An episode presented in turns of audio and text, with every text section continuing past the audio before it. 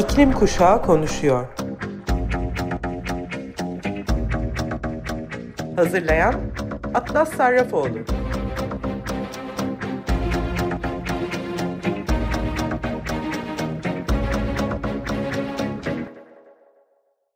Hepinize merhaba Sayın Açık Radyo dinleyicileri. İklim Kuşağı Konuşuyor programına hepiniz hoş geldiniz. Bu hafta iklim davaları konusunda oldukça hareketli geçti.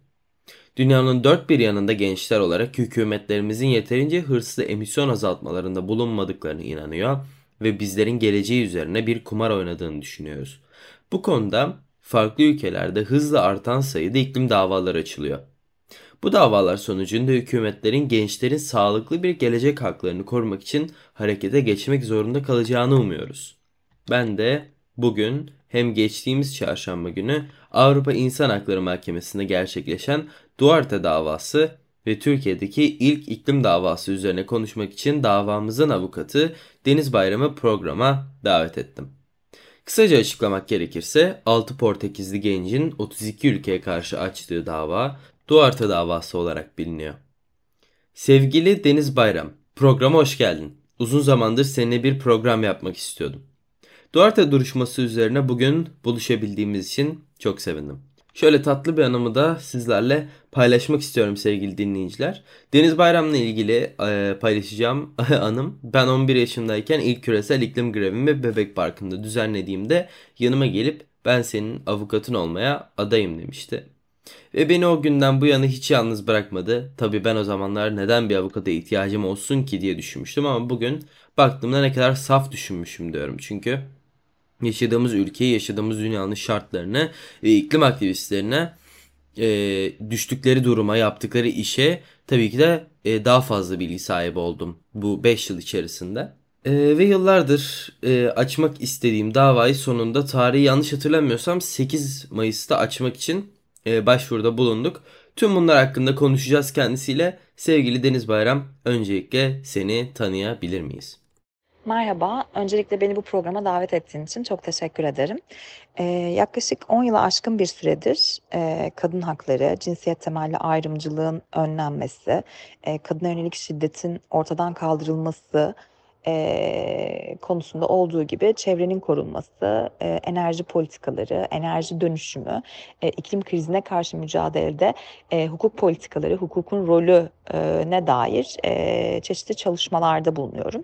E, bu çalışmaların bir kısmı araştırma çalışmaları, bir kısmı e, hukuk politikalarının e, analiz edilmesi, çeşitli yasaların e, incelenmesi, bu yasalarla ilgili e, boşlukların ortaya çıkarılması, eksikliklerin ya da uygulama sorunlarının tespit edilmesi gibi daha hukuk hukuk araştırmalarına e, odaklanabildiği gibi aynı zamanda bugün bu programda da e, bir hayli bahsedeceğimiz e, iklim davası gibi e, bazı stratejik alanlarda stratejik yöntemlerle ve argümanlarla e, stratejik dava çalışması e, yapmak gibi e, çeşitli faaliyetlerde bulunuyorum. İklim ve çevre alanındaki çalışmalarım yaklaşık 9 yıl önce başladı. Türkiye'de kömür yakıtlı termik santrallerin elektrik üretiminde önceliklendirilmesi, kömür madenciliğinin e, çok hızlı e, bir şekilde yaygınlaşması, kömür santral projelerinin artmasıyla birlikte e, elektrik üretiminde bu yanlış e, kararların, yanlış hukuk politikalarının tabii ki çünkü bu stratejik önceliklendirme beraberinde bir hukuk politikasıyla birlikte geldi. Bu hukuk politikalarının analiz edilmesi ve bu hukuk politikaların çevreye ve iklim krizinin nasıl tetiklemeye devam ettiği, iklim değişikliğini nasıl daha ciddi ve geri dönüş geri dönüşüm mümkün olmayan eşiklere getirdiğiyle ilgili e, çalışmalarımla başladı. E, bu kapsamda özellikle son derece yetersiz bir şekilde hazırlanan ya da yanlış e, bilgilerle hazırlanan e, bu santral projelerinin çevresel etki değerlendirmelerini e, takip etmek, e, hukuka uygunluğunun denetlenmesi için yargı, hukuk, dava yolunu e, kullanmak gibi e, çeşitli çalışmaların e, içinde bulundum. E, bugün Türkiye'de iklim ve çevre alanında çalışan çeşitli sivil toplum kuruluşlarına danışmanlık yapıyorum istiyorum. E, tabii bu programın konusu itibariyle e, esas olarak altını çizmek istediğim bir işim daha var. E, o da seninle birlikte sevgili Seren ve Ela adına da e, açmış olduğumuz e, Türkiye'nin e, Paris İklim Anlaşması kapsamında Birleşmiş Milletler'e sunmuş olduğu güncellenmiş ulusal katkı beyanının e, bu beyanda e, yer alan iklim taahhütlerinin e, emisyon azaltım e, olarak ifade edilen ama aslında azaltım değil bir e, emisyon artırım kararı olan e, sera gazı emisyonu rejiminin e, ve e, adaptasyon politikalarının e, yetersizliği ve bu yetersiz iklim taahhütlerinin, yetersiz iklim planlarının e, sizlerin insan haklarını ihlal ettiği e, argümanı üzerinden e, açmış olduğumuz davayı yürütmek hükümetlerin emisyonlarını yeterli düzeyde azaltma konusundaki eylemsizliğin gençlerin insan haklarının ihlali olduğu e, çok açık aslında. Duarte davasını ve bu kapsamdaki taleplerini bize anlatabilir misin? Ve ve elbette dava kazanılırsa bu sonuç hükümetlere nasıl yansıyacak? Portekiz'e karşı Duarte davasından önce bugün tüm dünyada iklim davalarının önemine çok kısaca değinmek istiyorum.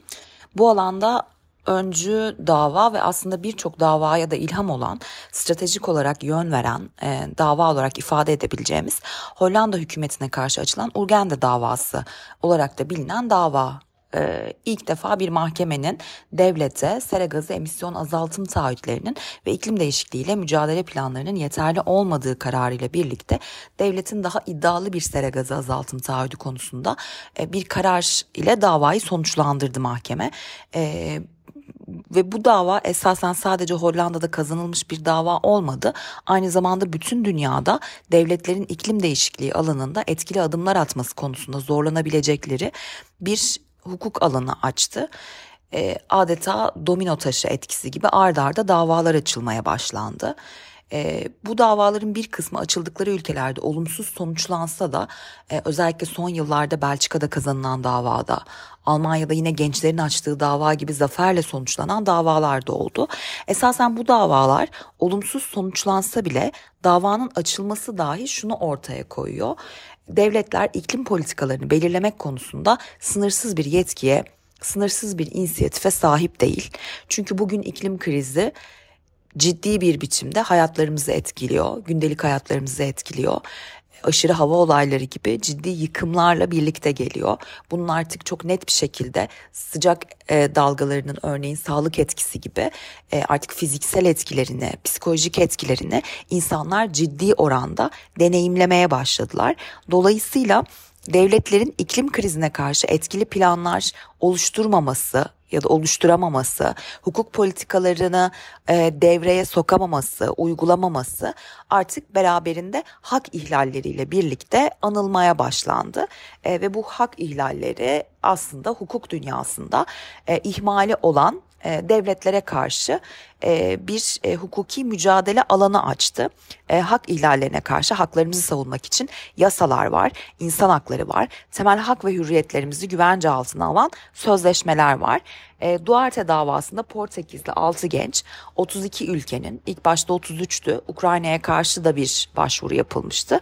E, ancak ee, Ukrayna Savaşı'nın başlamasıyla birlikte e, Ukrayna'ya karşı yapılan e, başvurudan feragat edildi. E, ve bu 6 genç 32 ülkenin iklim acil durumunun koşullarına uygun olarak harekete geçmediğini, bunun da insan haklarını etkilediğini iddiası ile doğrudan Avrupa İnsan Hakları Mahkemesi'ne başvurdu. Portekiz'e karşı Duarte davası yaşları 10 ila 23 arasında değişen Portekiz vatandaşı olan başvurucuların e, iklim değişikliğine e, katkıda bulunan ve bunu artık e, iklim krizi seviyesine getiren ve diğer tüm etkilerinin yanı sıra başvuranları etkileyen sıcak hava dalgalarına neden olan e, 33 Avrupa Konseyi üyesi ülkeye, Türkiye'ye dahil olmak üzere yapılmış bir başvurudur. Bu ilk başta başvuruda 33 ülkeye karşıydı, daha sonra 30, 32'ye düştü. Bu 32 ülkede kaynaklanan kirletici sera gazı emisyonları ile ilgili bir dava. E, başvurucular Paris İklim Anlaşması doğrultusunda özellikle ilgili 32 devletin sözleşmenin ikinci maddesinin kapsamında güvence altına alınan yaşam hakkı ve 8. maddesi e, kapsamında güvence altına alınan özel hayata saygı hakkı kapsamında pozitif yükümlülüklerini yerine getirmediklerinden e, şikayet ediyorlar. E, başvurucular iklim krizinin özellikle kendi nesillerini daha çok etkilediğini, iklim krizinin gelecekte ortaya çıkması muhtemel, bilimsel olarak da kanıtlanmış, etkileri de göz önünde bulundurulduğunda geleceklerinin de ciddi tehdit, risk altında olduğunu e, ifade ederek e, sözleşmenin e, ikinci ve sekizinci maddesiyle birlikte yani yaşam hakkı ihlali ve özel hayata saygı e, hakkı ihlaliyle birlikte aynı zamanda kendilerinin yaşa dayalı olarak da bir ayrımcılığa maruz kaldığını bu nedenle sözleşmede ayrımcılık e, yasağını düzenleyen 14. maddenin de kendilerine karşı Avrupa Konseyi üyesi olan bu 32 devlet tarafından ihlal edildiğini iddia ediyorlar ve savunuyorlar. Küresel ısıtmanın 2100 yılına kadar 3 derece ve üstü ve hatta daha kötü felaketlerle karşı karşıya kalacağını düşünürsek bu gerçek bir kabus. Karar vericiler olsun, büyük şirket yöneticileri olsun çocuklarının torunlarının böyle bir felaketle karşı karşıya kalmasına nasıl izin verebilir anlaşılır gibi değil aslında. Hatta geçtiğimiz hafta New York'taki iklim, iklim haftasının açılışında Genel Sekreter Antonio Guterres insanlık cehennemin kapılarını araladı demişti Oysa hala yeterince hırs hedef yok, kanunlar yok. Avrupa İnsan Hakları Mahkemesi'nde şu anda İsviçre'ye karşı Klima Seni Orinnen ve Fransa'ya karşı da Kareme isimli verilen e, iki tane dağ iklim davası olduğunu öğrendim. E, bu iklim davaları içerik olarak nedir? Kısaca bize bunlardan da bahsedebilir misin? Avrupa İnsan Hakları Mahkemesi başta olmak üzere bugün e, birçok uluslararası mekanizma nezdinde odağında iklim olan e, çeşitli e, hukuk davaları ve başvurular incelenmekte. Bu anlamda e, bahsi geçen iki dava oldukça önemli. Fransa'ya karşı Avrupa İnsan Hakları Mahkemesi'nde görülmekte olan davada bir Fransa'da bir bölgede yaşayan e, eskiden de belediye başkanı olan bir kişinin e, Fransa hükümetinin, Fransa devletinin iklim kriziyle mücadelede e, yeterli önlemleri almaması, e, yeterli iklim planlarını hayata geçirmemesi, oluşturmaması e, ve bunları uygulamaması nedeniyle e, insan haklarının ihlal edildiğini e, iddiasıyla e, bütün iç hukuk yollarını tükettikten sonra Avrupa İnsan Hakları Mahkemesi'ne bir başvuruda bulundu. E, bugün mahkeme nezdinde iklim davaları kategorileri kategorisi içerisinde yer alan e, başvurulardan bir tanesi.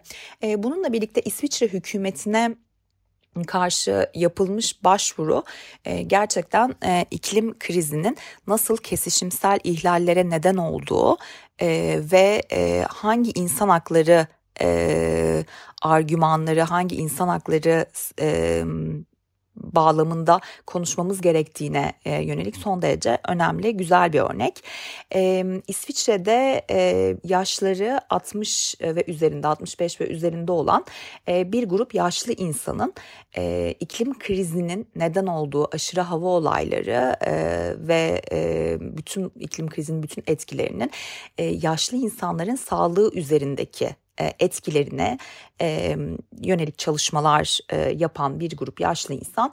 E, bu konuda İsviçre devletinin e, yeterli politikaları oluşturmaması, e, iklim kriziyle mücadele etmemesi, bununla ilgili planların yetersiz e, olmasından dolayı e, kendi e, ve sağlık hakkı üzerinden de özellikle e, bu konuya ilişkin bir tartışma yaparak e, yaşam haklarının ihlal edildiğini, e, yine sözleşmenin 8. maddesinde güvence altına alınan özel hayata saygı haklarının ihlal edildiğini iddia ederek e, Avrupa öncelikle İsviçre e, İsviçre'de ulusal e, mahkemeler nezdinde bir çare e, arayıp e, bir çözüme ulaşamadıktan sonra e, konuyu Avrupa İnsan Hakları Mahkemesi'ne taşıdılar.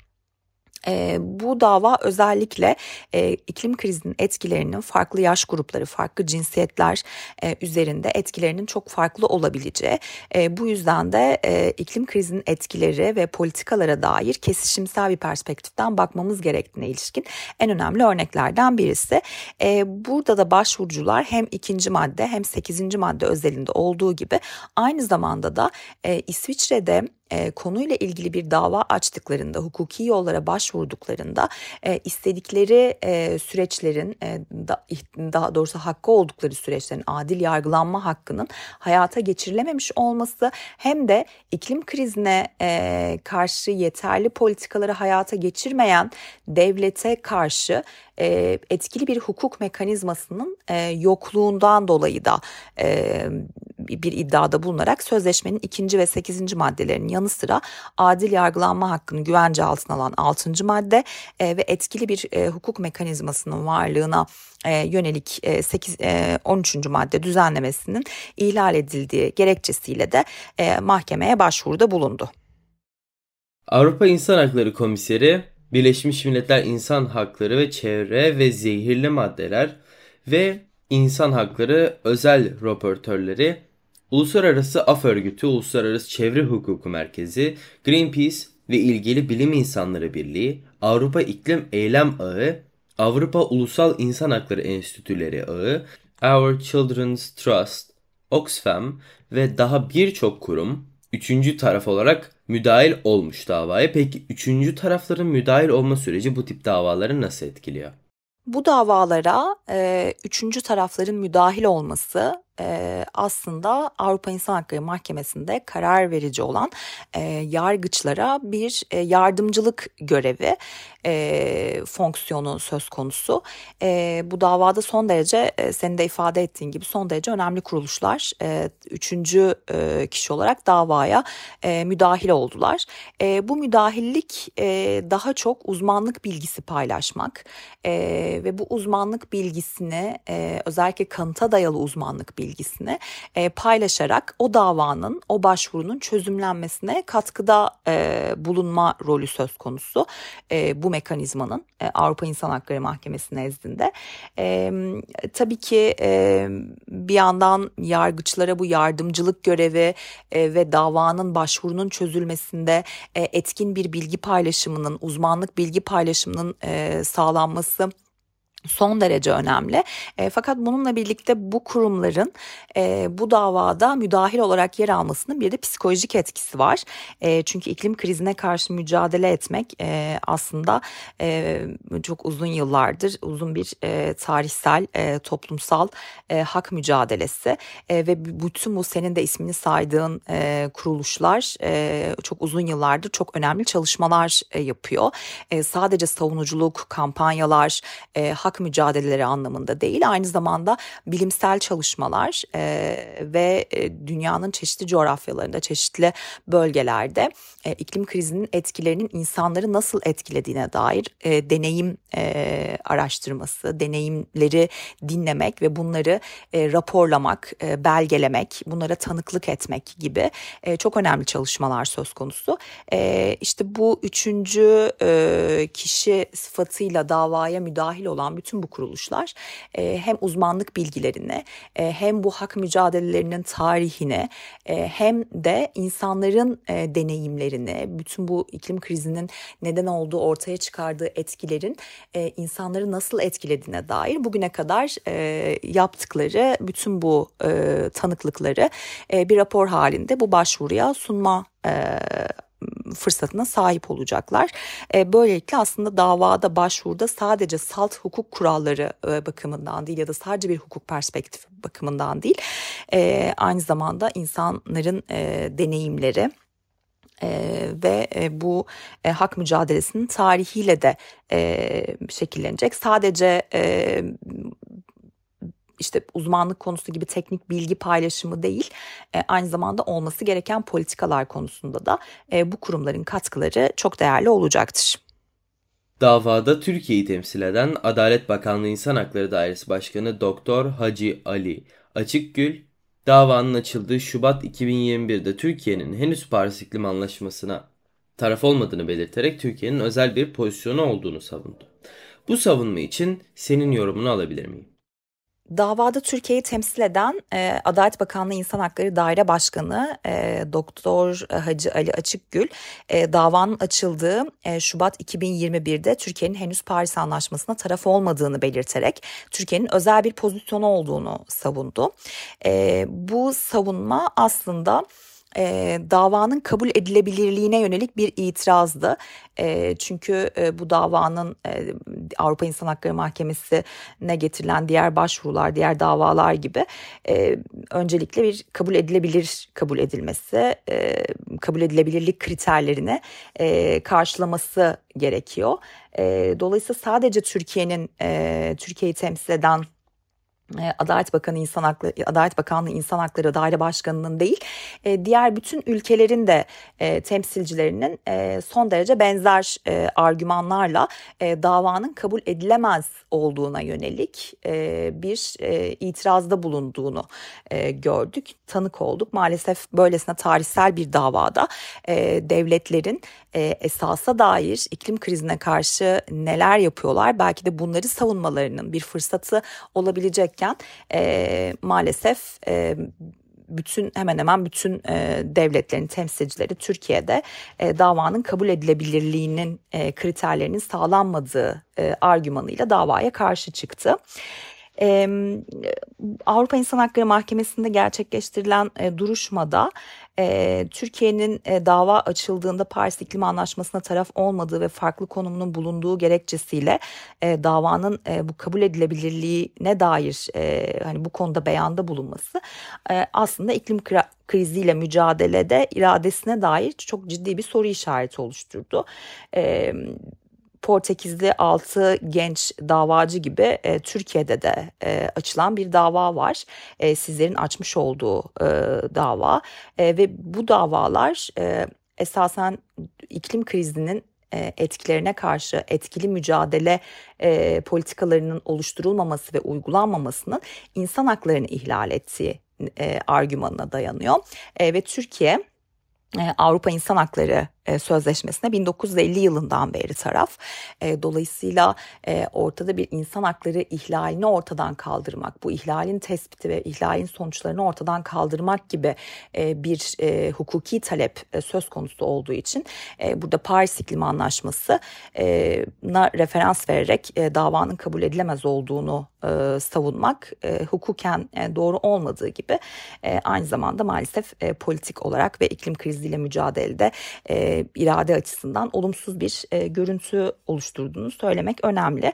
E, bugün e, Türkiye dahil tüm devletlerin küresel ısınmayı bir buçuk derece ile sınırlama amacına e, uygun taahhütlerde e, bulunması, uygulaması bekleniyor e, ve iklim krizinin e, kırmızı alarm durumunda olduğu bu dönemde e, davalarla muhatap olmaktan e, kaçınan e, açıklamalar yapmak, işte kabul edilebilirlik e, itirazı gibi e, aslında tarihsel hata diyebileceğimiz e, hatalı açıklamalarda bulunmak yerine e, etkili iklim planlarının e, açıklanması e, daha doğru bir e, politik tavır e, maalesef bugün e, Türkiye dahil e, davaya taraf olan e, hiçbir ülkeden e, böyle bir tavır gösterilmedi.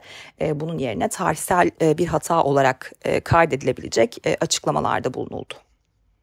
Peki dinleyicilerimize tekrar hatırlatma olsun. Ben Seren Anaçoğlu ve Elanaz Birdal ile birlikte Türkiye'nin ilk iklim davasını açtık. Türkiye'nin iklim hedefi olarak sunmuş olduğu güncellenmiş ulusal katkı beyanının yetersiz kaldığını, bunun bir iklim eyleminde ziyade, iklim eyleminden ziyade iklim eylemsizliği olduğunu öne sürerek Cumhurbaşkanı Recep Tayyip Erdoğan'a ve Çevre Şehircilik ve İklim Değişikliği Bakanlığı'na açtık bu davamızı. İstersen biraz davamızdan da öngördüğün süreçten bahsedebilirsin. Paris İklim Anlaşması'na e, oldukça geç e, taraf olan e, Türkiye e, taraf olmakla birlikte e, ulusal katkı beyanına güncelleme yükümlülüğü altına girdi. E, taraf devletlerin her beş yılda bir e, katkı beyanlarını güncellemeleri gerekiyor. E, ve güncellenmiş katkı beyanını e, okuduğumuzda 13 Nisan'da açıklandı. Daha önce geçtiğimiz yıl Mısır'da gerçekleştirilen e, Birleşmiş Milletler Taraflar Konferansı'nda e, o dönemin Çevre Şehircilik ve İklim Değişikliği Bakanı Murat Kurum tarafından sözlü olarak açıklanmış. E, 13 Nisan tarihinde de Birleşmiş Milletler'e e, yazılı olarak Birleşmiş Milletler Genel Sekreterine yazılı olarak e, sunuldu. E, ve bu güncellenmiş ulusal katkı beyanını e, okuduğumuzda e, maalesef e, Türkiye'nin Paris İklim Anlaşması'nın gerekleri doğrultusunda e, taahhütlerinin mevcut olmadığını e, gördük. E, hem azaltım politikaları anlamında e, hem de e, değişen iklim koşullarına uyum bakımından e, ciddi yetersizlikler, yanlışlıklar ve açık olmayan, şeffaf olmayan bir takım değerlendirmeleri içeren bir e, metindi, e, bir idari karardı. Bu anlamda aslında her ne kadar ulusal katkı beyanında genellikle Çevre Şehircilik ve İklim Değişikliği Bakanlığı'nın söylemleri e, bir sera gazı azaltımı yönünde bir taahhütte bulunulduğu ifade edilse de e, esasen bir e, azaltma söz konusu değil. 2000 verilen taahhüde baktığımız zaman 2030 yılına kadar Türkiye en az %32.32 oranında sera gazı emisyonlarını artırma yönünde bir taahhütte bulunuyor. Mutlak azaltım taahhüdünden kaçınıyor ve 2038 yılında da emisyonlarını artırmaya devam edip 2038 yılında en tepe noktasına, pik noktasına eriştirmeyi planlıyor. E, dolayısıyla aslında 2038 ya bu şu anlama geliyor. 2038 yılına kadar Türkiye sistemli bir şekilde e, sera gazı emisyonlarını e, artırıyor. E, Paris İklim Anlaşması'na göre e, ulusal katkı beyanları e, açık, karşılaştırılabilir, şeffaf, e, bilimsel metotlarla e, ve bilimsel olarak açıklanabilir hesaplama yöntemleriyle e, hazırlanması gerekiyor. Maalesef e, biz bu projeksiyonlara baktığımızda ulusal ulusal katkı beyanının içeriğine baktığımızda e, hangi verilere göre e, bir değerlendirme yapıldığı, bir e, hesaplama yapıldığına dair bir e, bilgi paylaşımı, bir açıklama göremiyoruz. E, dolayısıyla bir e, şeffaflıktan bahsetmek, karşılaştırılabilir verilerden bahsetmek, açıklıktan bahsetmek mümkün değil. E, çünkü bugün... E, birçok uzman sivil toplum kuruluşunu ve e, akademik e, çalışmalara baktığımızda e, Türkiye'nin 2053, 2050 e, ve 2053 e, yılında karbon nötr olma taahhüdünü destekleyen e, ve e, mutlak azaltım taahhüdü vererek e, ve 2030 yılında kömürden çıkışı başlatarak e, bir karbonsuzlaşma patikasını e, kurgulaması son derece mümkün. E, bilimsel e, verilerle ispat edilmiş durumda. E, fakat Türkiye Türkiye e, bu e, daha az emisyonla mutlak azaltım yaparak kömüre dayalı elektrik üretiminden bir çıkış e, yaparak ve adil dönüşüm başlatarak karbonsuzlaşma patikasını e, oluşturmak, planlamak, uygulamak yerine e, maalesef 2038 yılına kadar sistemli bir şekilde karbon emisyonlarını artırmak, e, bugün ulusal enerji planında hala kömüre dayalı elektrik üretiminin e, devam edeceğine yönelik bir takım beyanlar söz konusu. E, adil dönüşümle ilgili maalesef e, ciddi bir planlama, e, politika e, kurgulanmış değil. E, dolayısıyla böyle bir e, iklim politikasının e, bir anlamıyla iklim eylemsizliğine e, denk geldi. E, bunun da e, sizlerin e, insan haklarını Türkiye'de anayasayla ve Türkiye'nin taraf olduğu e, uluslararası insan hakları e, sözleşmeleriyle e, yükümlü olduğu e, insan haklarını koruma ödevi ve pozitif yükümlülüklerini ihlal ettiğine e, dayalı bir dava. E, dava şu anda Danıştay'da devam ediyor. E, henüz bir gelişme söz konusu değil. E, idarenin davaya bugüne kadar cevap vermesi gereken idarenin cevapları da henüz e, bize ulaşmış değil. Hem değerli dostum hem de Türkiye'nin ilk iklim davasının avukatı Deniz Bayram'ı dinledik. Dünya çapından ses getiren Duarte davası ve bizim davamızdan bahsettik. Çok teşekkür ederim. Deniz Bayram sorularımı cevapladığın ve zamanla ayırdığın için teşekkür ederim. Sevgili Açık Radyo dinleyicileri hafta iklim kuşağı konuşuyor programında buluşana dek kendinize, sevdiklerinize ve gezegenimize lütfen çok iyi bakın. Görüşmek üzere.